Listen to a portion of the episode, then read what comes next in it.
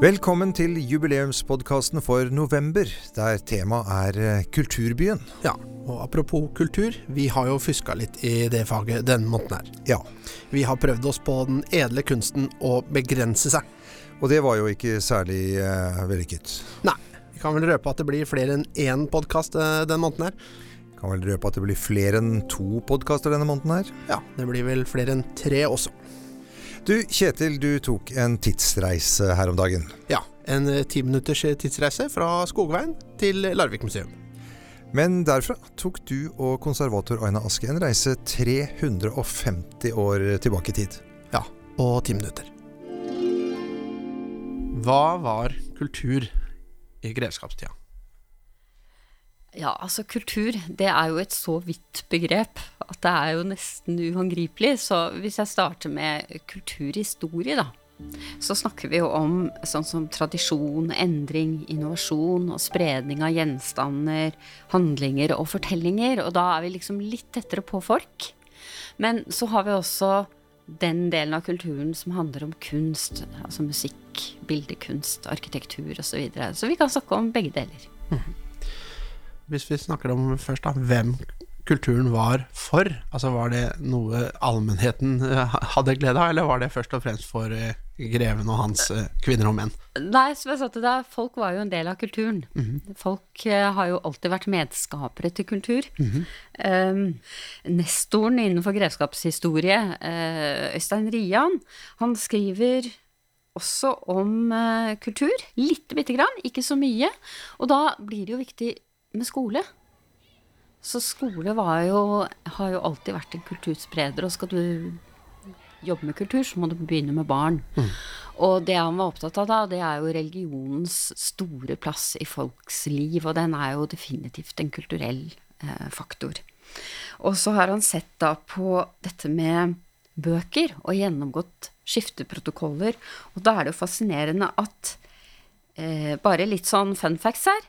Mellom 1701 og 1710 så var det altså registrert bøker i 6 av 148 skifter. Altså skifter det er jo etter at folk dør, og så gjøres det opp eh, bo og sånn.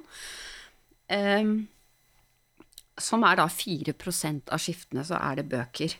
Og særlig embetsmenn og borgere kunne skrive og lese, men det har altså ikke vært noen stor appetitt på litteratur så tidlig.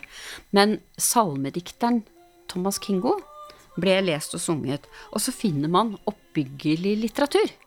Som for eksempel i Skifter etter kvinner, gudfryktige og dydige jomfruer kunne man lese om, og man kunne lese om legedom ved atskillige fristelser. Og dette her sier jo noe om folks livsverden, av hva de eh, var opptatt av. Men eh, hvis vi ser på kunstdelen av eh, altså billedkunst, da, av, av kulturbegrepet, Ja, var det noe som var eh, til pynt, eller, eller til pønt, som det heter? Eller hadde en eh, funksjon eh, utover det? Ja, begge deler, selvfølgelig. Altså, kunst er jo estetikk, noe som er vakkert å, å henge på veggen. Men eh, kunst har jo også en funksjon, og da, hvis vi går litt tilbake til det religiøse igjen, så finnes det jo meditativ religiøs kunst. Eh, brukt f.eks. i pietistiske eh, sammenhenger, hvor, hvor kunsten ble brukt som, som for å vekke tanken, for å vekke medfølelsen. Og det fantes, fantes det mye av i, eh, i hjem i Larvik. Det ble gjort en undersøkelse for noen år siden, i 2007. Eh, det var en som het Sylvi Kokk Evjent, og hun skulle egentlig undersøke hva som hang på veggen hjemme hos folk i Bergen. Men så skulle hun ha to sammenligningsbyer, og det var Kristiania og det var Larvik. Og så viser det seg at mellom 1695 og 1795 så henger det altså mye mer kunst på veggen hos larviksborgere enn det gjør i Bergen. Larvik ligger liksom på linje med Kristiania. Og det er jo ganske oppsiktsvekkende. Og når vi sier larviksborgere, er vi, da snakker vi da om vanlige folk, eller snak, hva snakker vi om da? Nei, da er vi tilbake til det igjen. Altså, hva er vanlige folk? Dette var um, de klassene som går fra de håndverkerne som, som hadde status som lagshåndverkere, opp til embetsmenn Ja. og handelsborgere. Ja. Det var selvfølgelig de som hadde kunst på veggene sine. Du kan si det sånn at hun gikk gjennom skifter, Og hun fant ut at i den perioden hun undersøkte, var det skifter etter 25% av voksne døde, og at to tredjedeler av befolkningen var så fattige at det ikke var skifter etter dem. Mm. Det var ikke noe vits i å ta opp skiftet. Ja. Så da skjønner du jo hvem som hadde kunst. Ja. For det er jo lett å tenke at uh, vanlige folk At de kanskje ikke hadde så mye ja, tid til å tenke på kunst og kultur. Som i hvert fall ikke sånn som en bevisst tanke. Nei, men da, da gjør du kunstbegrepet veldig snevert, da. Mm. Fordi kunst er livsviktig. Det er som vann og brød, det må vi ha som mennesker. Mm. Eh, og vi har jo en fortellertradisjon i Larvik, ikke sant, med eventyr og, og sagn også her. Mm. Vi har en drakttradisjon. Vi har arbeidskultur. Vi har språktradisjoner. Og alt dette er kultur. Det er liksom overskuddet av oss mennesker. Og samme hvor fattig du er, så er du del av en kultur. Mm. Jeg diskuterte med en, eh, med en, kamerat her om dagen at uh, musikk, det har man jo alltid. Altså Uansett hvor fattig man blir, og uansett hvilken nød det er, uansett hvilke livssituasjoner folk er i, så har vi jo musikk. Uh, og det går jeg ut fra man hadde, hadde den gangen også. Det er helt riktig. Altså Det skulle spilles i barnedåp, i brylluper, i trolovelser, på kroa om kvelden. Så musikk har det vært. Og det kom en bok for uker, et par uker siden uh, som heter 'Grevens undersåtter'. Eh, og der er det en som heter Anne Svånhaug Blengsdalen, som skriver om statsmusikanter, bymusikanter. Og da får vi også vite mye om de andre, fordi det å spille musikk på 1600- og 1700-tallet var et privilegium det var noe du fikk i teorien utdelt av kongen, men i Larvik så var det selvfølgelig sånn at det privilegiet fikk man av greven. Og da fikk man også privilegiet på å spille all musikk utenom kirken i hele grevskapet. Og så var det det som ble kalt for fuskere. Og det var det alle de andre musikerne som ikke hadde privilegium, og som spilte allikevel. Og så ble det rettssaker. Og dermed får vi vite at det var en tømmersvenn, det var en snekker Det var folk med andre yrker som også drev med musikk ja. på fritida. Og prøvde å tjene penger på det. Så det er altså å fuske i faget? Ja, det er ja. å fuske i faget. Hva hva med teater? Ja, Eh, teater er jo eh, typisk nok også noe som alle kan gjøre hvis du har overskuddet til å sette opp en rolle og spille et stykke. Men, og teater henger jo sammen med musikk, ballett, eh, bildekunst. Og vi vet jo at eh, adelen, de spilte jo teater for seg selv. Um, og da er det jo interessant å se at grevens residens i Larvik ble jo landet, altså byens første offentlige teaterscene. Mm. I det øyeblikk byen kjøper herregården, så bruker de Grevens sal til teaterscene. Så da blir den altså til for folket? Eller ja, var det, hvem hadde adgang der? det var jo da selvfølgelig et dramatisk selskap mm. som ble, ble stiftet. Eh, og det var igjen byens borgere men da skal vi igjen huske på altså, at borgerstanden i Larvik og embetsstanden, selv om de var liksom samfunnets øvre stender, så er det ikke dermed sagt at de var så fryktelig rike. Noen av dem var faktisk ganske fattige. Men de var jo bærere av en sånn slags kulturell samhørighet. Og da visste de hva som foregikk i København og Kristiania, og de skulle selvsagt også ha et teater i Larvik. Og da leide de inn teatertrupper. Men det var også sånn at de spilte og iscenesatte selv. Mm. Så det var liksom en sånn vekselvirkning. Hvis vi ser på grevskapstida eh, altså Du nevnte jo oppbyggelig litteratur. Mm. Og så snakker vi jo også om det å gi folk brød og sirkus for å, for å holde motivasjonen oppe. Mm. Var det et bevisst valg å gjøre noe sånt? Det er klart det var. Eh, og igjen så må vi tilbake til kirken. Mm. Nå kommer det en bok ganske straks, eh, før jul, om Larvik kirke. Og det er en bok om det er en kulturhistorisk bok og forteller om de menneskene som var kirken. Og da var jo kirken et åpent rom, da. Den, den var en åpen institusjon. Og det er klart at uh, her var det kongemakten i ytterste konsekvens som bestemte hva som skulle bli sagt. Men folk selv hadde jo også en innflytelse på den institusjonen. Og uh, Larvik har jo vært et sted for frikirkelighet, altså for uh, religiøse retninger som har kommet med skip, for å si det mm. sånn, for å påvirke mennesker, og som mennesker har latt seg påvirke av. Eh, vi, vi, glemmer det fort i dag, altså. Men den religiøse delen av livet var en viktig kulturarena. På hvilken måte da? Ja, igjen, vi er jo tilbake til for det første eh, bildekunsten. Altså Kirkerommet ble jo særlig i 1750-årene så kom det jo en dansk eh, billed, billedhugger og omformet hele kirkerommet. Og kunsten som folk kunne møte der, det er klart den har påvirket folks liv. Så er det musikken. Eh, salmesangen, kan du si. Det, Larvik kirke hadde orgel. Eh, guttene som gikk på skolen, var med å synge. Så kirken hadde jo et musikkliv. Og det er jo ingen som har undersøkt, vi vet jo lite hvordan det påvirket folk, men dette var jo kultur. Eh, og det siste jeg vil si, det er at du nevnte den oppbyggelige kulturen, men kirken har jo også et sånt kunnskapsinnhold, ikke sant? Et, eh, hva skal man si, et eh, et kulturinnhold som gjør at mennesker tenker og reflekterer over humanitet, over nestekjærlighet, eh, over rik og fattig, sånn uten at kirken nesten vil det selv, ikke sant, mm. så setter den jo i gang tanker hos folk. Og det var veldig mye folkelig religiøs bevegelse, hvor folk selv tok styringen, kanskje sammen med en kapellan eller noe sånt, over eh, det å, å samles eh, rundt et religiøst budskap. Og der utformer man jo selv på bakgrunn av det som er eh, bibel og salmevers, da. Men kultur er jo eh, overalt, og vi opplever kultur hele tida. Er det noen områder vi burde snakke om som vi ikke har vært innom, da? Ja, det er det, og kanskje veldig aktuelt i, i Larvik nå om dagen. Det er arkitektur. Ja.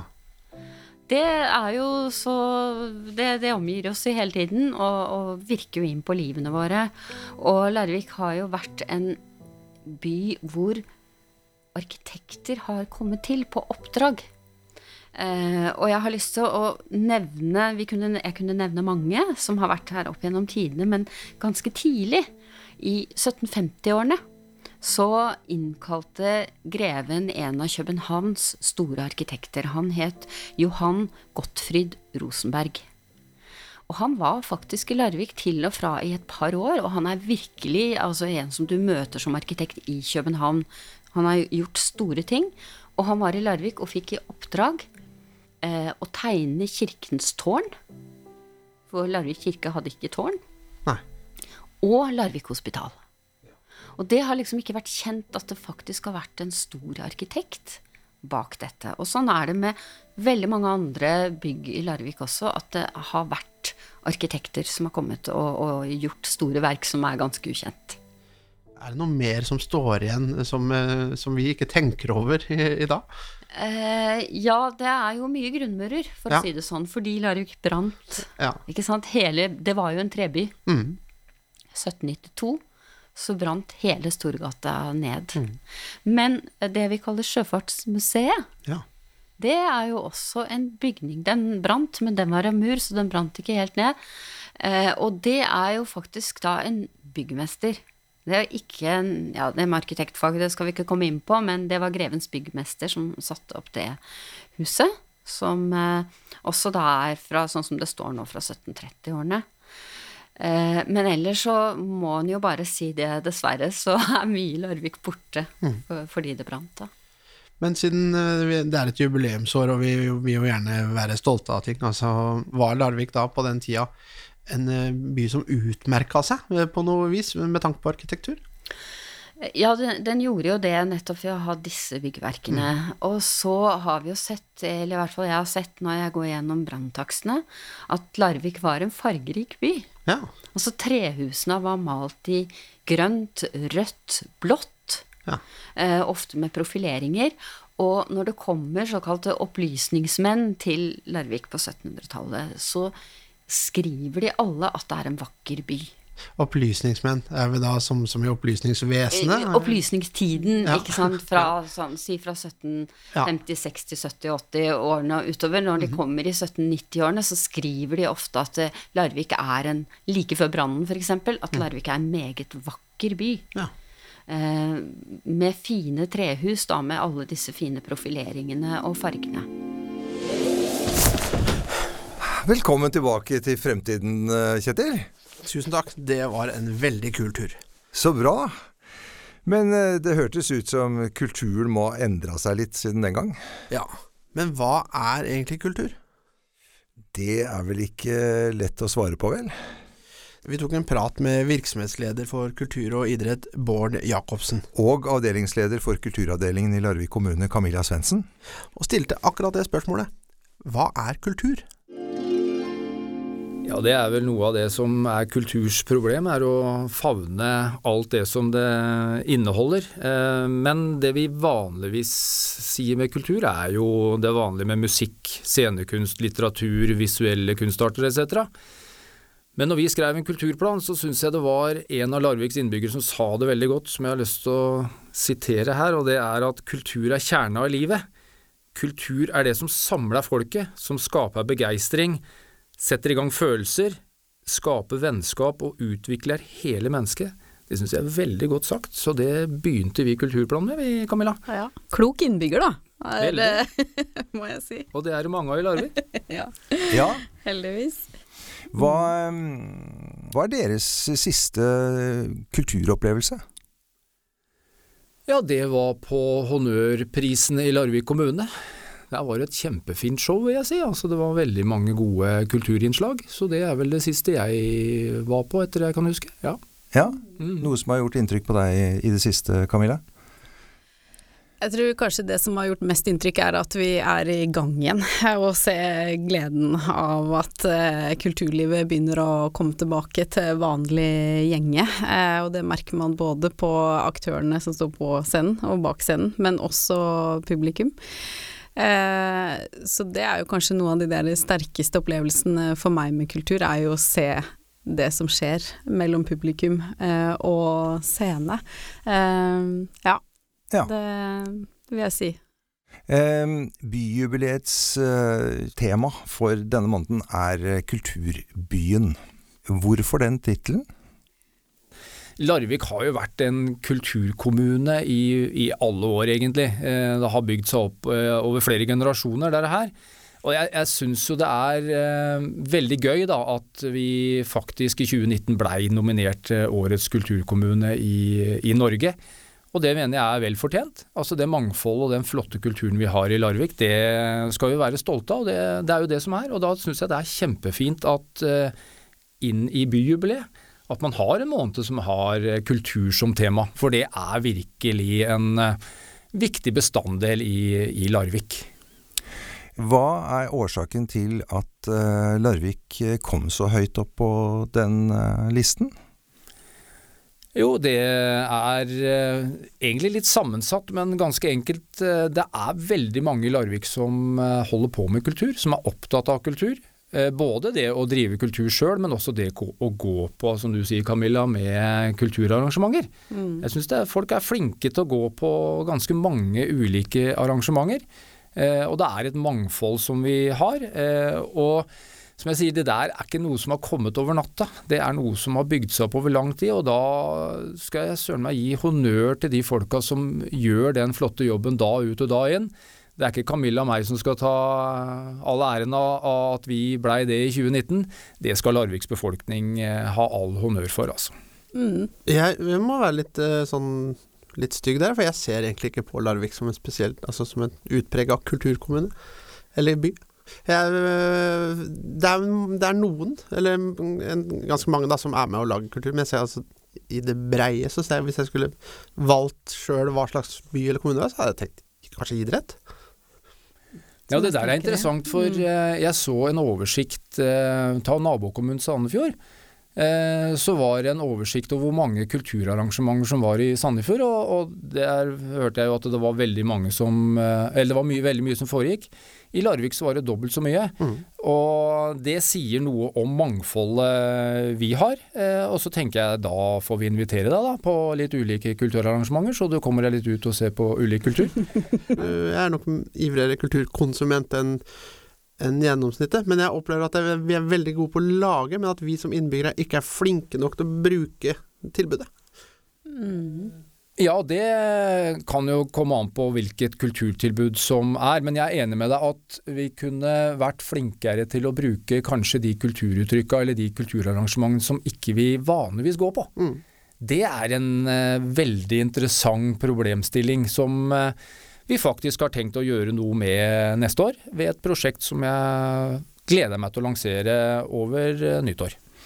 Mm. Og så eh, til spørsmålet ditt eh, også, så tenker jeg at det har, det har jo, sånn jeg opplever det, eh, blitt vist en veldig sånn stor politisk vilje til å også satse på kultur. Eh, at eh, det legger jo noen vilkår for oss som jobber med kultur også, så kunne man jo sikkert eh, sagt at det kunne vært enda mer, men det har jo vært eh, eh, mange runder både med å få på plass Kulturhuset, Det var jo noen av de tinga som ble påpekt i den nominasjonen til Årets kulturkommune, var jo både at vi har eh, en strategisk plan for hvordan vi skal jobbe med kulturfeltet, det er det ikke alle kommuner som har. Eh, At det har vært en veldig vilje til å satse på kulturarenaer, eh, blei også trukket fram i den nominasjonen, både med Kulturhuset, Slipperiet, Munken, og at vi har sterke kulturmiljøer som er opptatt av å ivareta kulturarv, kulturhistorie. Det syns jeg er veldig unikt eh, med Larvik, at vi har mange engasjerte miljøer som jobber på ulike nivåer. Eh, I hele kommunen, eh, egentlig. Ja, og Det du sier her, Camilla, er jo også noe som du sier med kulturbyen. Altså, nå snakker vi om kommunen. og Lardølinger ble jeg veldig glad i når ut, vi utarbeida kulturplan. Altså, Du har et lite kulturhus oppe i eh, Svarstad også, Klokkargården. Der det er 12-14 foreninger som eh, har ukentlige samlinger, eh, og som har det kjempefint i de lokalene. Og jeg tenker, sånn i nærmiljøer så er jo kultur kjempeviktig. Så ja, byen er viktig, men de nærmiljøene som vi har rundt omkring, der hvor det er den her folkelige kulturen, for å kalle det sånn, det syns jeg er noe av det som er styrken til Larvik. At, som du sier, Camilla, at det er eh, miljøer rundt om i hele kommunen som gjør en eh, kjempeinnsats. Mm, viktig jobb. Det Kunne vært morsomt å telle over hvor mange kulturhus vi egentlig har, hvis du tenker altså, hva som Mm. blir brukt som kulturhus. Ja. Grendehus og, Ja, og en del andre samlingslokaler. så For det er jo ja. lett å tenke at vi har ett kulturhus, men Mm. det, det er jo mange som fungerer som Mm. ute. Ja, Ja, og hvis du tar med kirker og sånt nå også, så er det jo veldig mange vi har eh, rundt omkring i kommunen vår. Da jeg eh, flytta hit, så oppdaget jeg at det var mange som sa at eh, det skjer jo ikke noe her i Larvik. Og så kom jeg ned på bølgen, så opplevde jeg at det skjer jo altfor mye.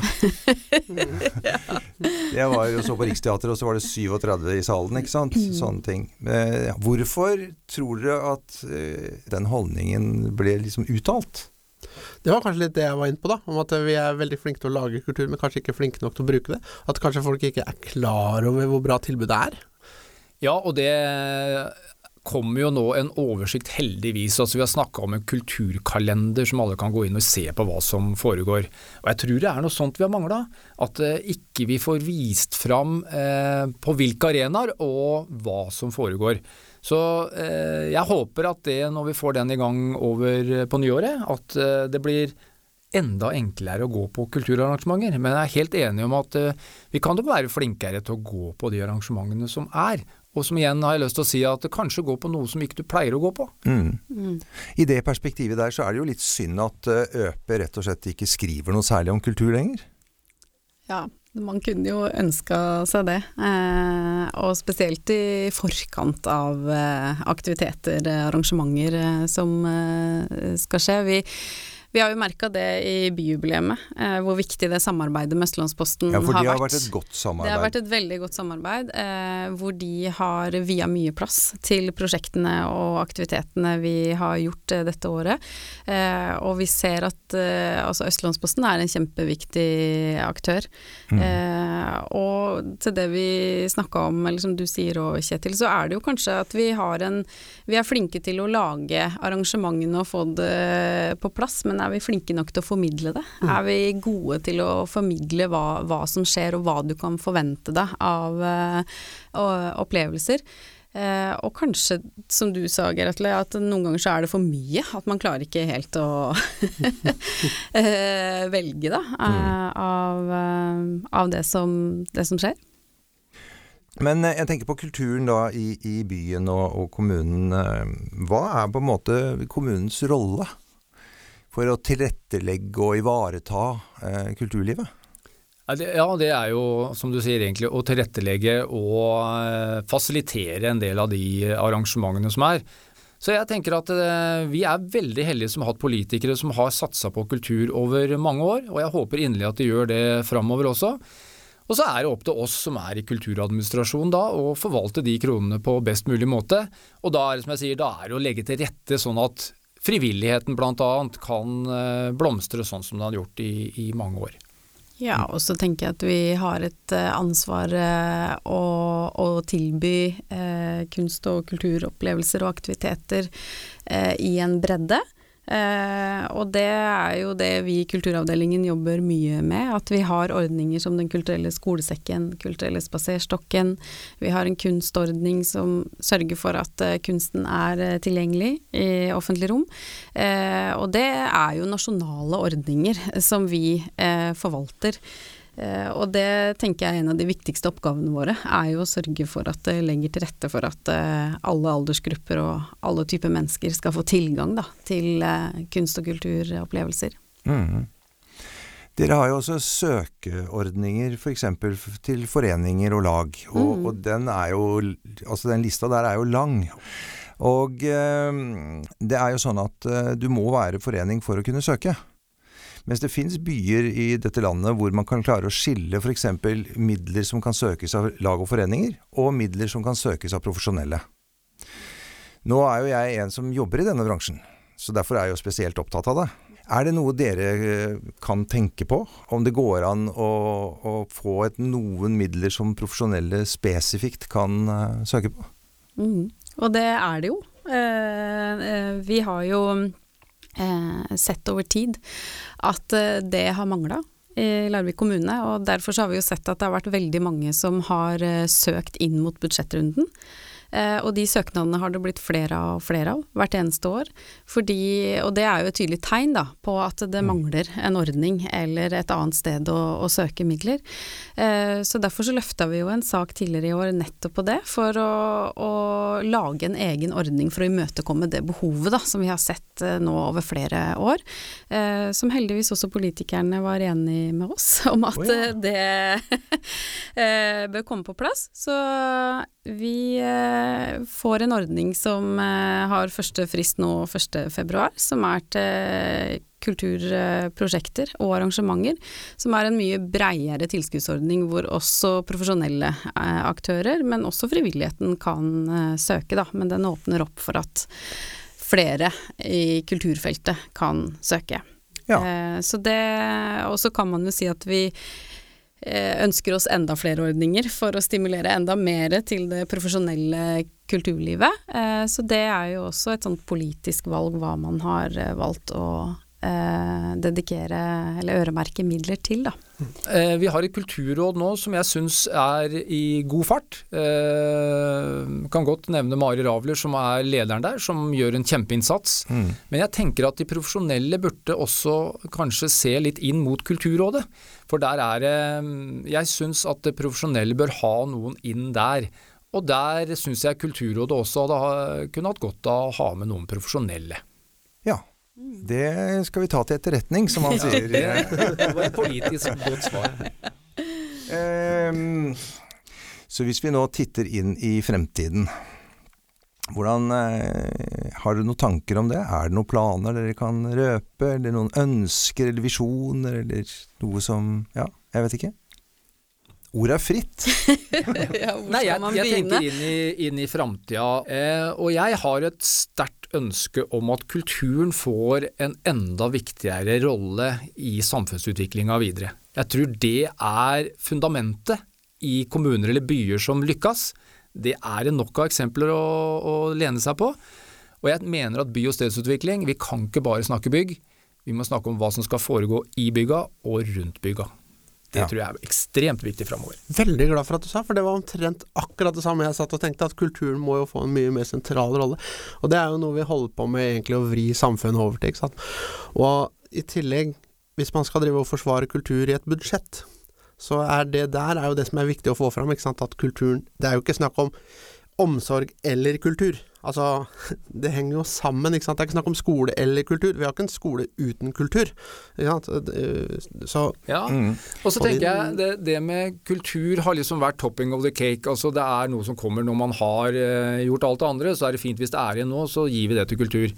Altså det, det har vært så mye forska på dette her nå. Det er jo sånn paradigmeskifte som dette. Altså, det er opplest og vedtatt at kultur har så mye å si på andre samfunnsområder. da. Skole, som du sier. Helse. Gir vi den eldre befolkninga kultur, så lever de lenger. altså De, de holder seg friskere lenger. Og Jeg har bare lyst til å si én opplevelse jeg har sjøl av hvor viktig kultur er. En kan gjerne prate om det de vide og det brede, men jeg har sett det eh, sjøl, som gjorde et kjempeinntrykk. Og det var når biblioteket i Larvik brant. Så så jeg hva kultur, altså litteraturen, har å si for folk. For da sto det voksne folk ved siden av meg og gråt. De var så Altså, det var så følelsesmessig for folk i Larvik. Og det, det bare sa meg at eh, fy søren så heldig jeg er som jobber med det jeg gjør, altså som er så på nerva på folk. At eh, det kommer jeg til å ta med meg så lenge jeg lever. Det er akkurat den opplevelsen at eh, det der, der gjør noe med folk. Og det Ja. tror jeg flere skal ta inn over seg i både politikken og um, andre. Det er den eh, krafta som ligger i, eh, i kultur. Du, Geir Atle. Mm? Har du lest eh, Kultursidene i Østlandsposten i dag? Nei. Det er ikke så rart, for de fins ikke lenger. Nei. De er borte, de. Ja, og det har jeg tatt en prat med redaktør Eirik Haugen om. Hvor har det blitt av Kultursidene i Østlandposten? Nei, de er ikke der. Altså, I hvert fall ikke reine kultursider. Vi hadde jo før både reine sportssider og reine kultursider, hvor vi hver eneste dag satte av eh, her skal det komme sport, her skal det komme kultur. Eh, Men nå blir det mer sånn at det blir en vurdering på hva er de viktigste og beste sakene, uansett om du kaller det kultur eller nyheter eller sport, og så prioriterer vi etter det. Så nå kommer kultur og sport og nyheter kanskje litt mer hultete bulter i forhold til hva man er vant til fra før, men det blir en prioritering for hver eneste dag på hva skal vi bruke ressursene våre på.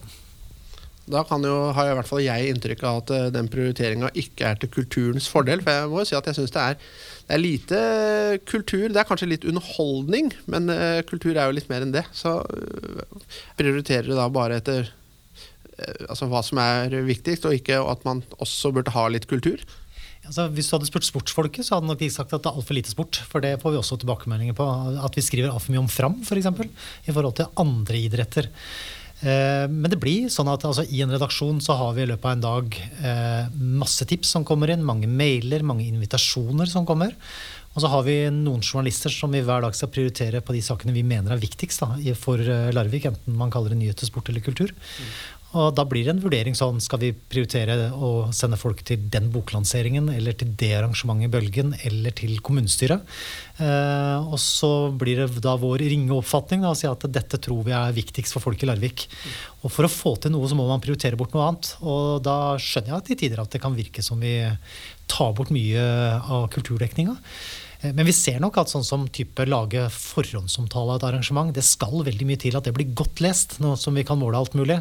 Så noen ganger så tenker vi jo det òg, at de, de 50 som leser denne saken, de kan kanskje få vite om saken på en annen måte, og så setter vi en journalist eh, på en annen type sak som vi tror er mer interessant.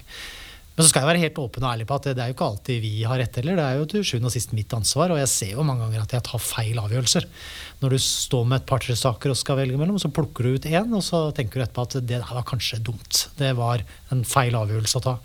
Eh, men det er noe sånn denne verden er, da. At man må ta noen avgjørelser, og så prioritere ut fra hva vi mener er best til enhver tid. Men hva som er best, betyr det hva som er best uh, for å få klikk, eller betyr det hva som er best uh, kvalitetsmessig? Nei, altså, det der med klikk er litt sånn jeg vet ikke om jeg skal si mytebundet uh, når det gjelder Østlandsposten. altså Jobber du i VG, så betyr nok klikk og trafikk ganske mye. Men vi er jo en abonnementsavis. Så sånn sett så, ikke, så, betyr det ikke så mye for oss om vi får igjen masse folk som klikker på en sak. Det er abonnementsinntektene som er viktige for oss. Men, men, det er jo helt riktig at vi kan måle og se hvor mange som leser saker til enhver tid. Eh, og da eh, ser vi jo at det er mange typer saker som ikke blir så godt lest. Så er det ikke bare det som styrer oss, men det er klart det er jo morsommere å lage en sak som blir lest av 8000 mennesker kontra 60 stykker. Men den uh, nysgjerrige kulturjournalistikken Altså det å, å grave litt mer og ikke bare rapportere, det, det ser jo ut til å ikke være en prioritert oppgave. Ja, og det, Der burde vi nok være flinkere. altså Å gå litt tettere på. da, uh, Også ting som har med kultur Det er mye penger for eksempel, i kulturlivet. Det er offentlig støtte som vi kunne sett litt nærmere på. Så der kunne vi nok vært flinkere til å se på det på samme måte som det gjelder vanlige nyhetssaker. hvis jeg kan si det sånn. Men det jeg har inntrykk av den debatten som går nå går på, er jo at vi ikke kommer på arrangementer. At vi ikke dekker konserter, eller at vi ikke skriver om boklanseringer som kommer osv. Og, og at folk gjerne vil ha oss der. Og det er fint det, at vi er savna på ting, men eh, for vår del så blir det sånn at vi, vi når rett og slett ikke overalt i perioder. Men vi prøver så godt vi kan hele tiden å prioritere riktig og gå på de stedene vi mener at det kan være fint å gå.